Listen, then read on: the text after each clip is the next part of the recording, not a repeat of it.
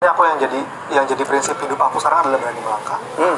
apa pun yang terjadi sering kali itu jalannya ketemu pada saat kita mulai ngelangkahin Hmm. kaki pertama kita Hmm.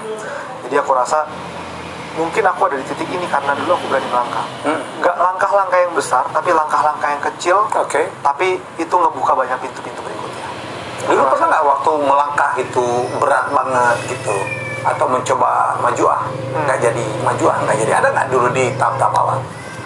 Aku tipe orang yang ngelangkah dulu baru mikir om. Jadi sering kali ngelangkah nyesel. Pernah?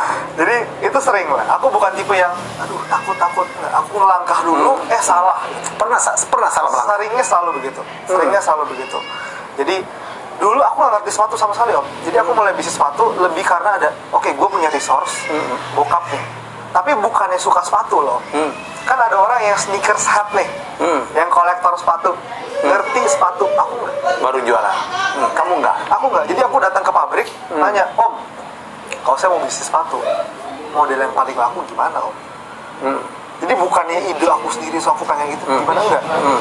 jadi aku cuma berani aja ngelangkah tanya oh dikasih oh yang bagus model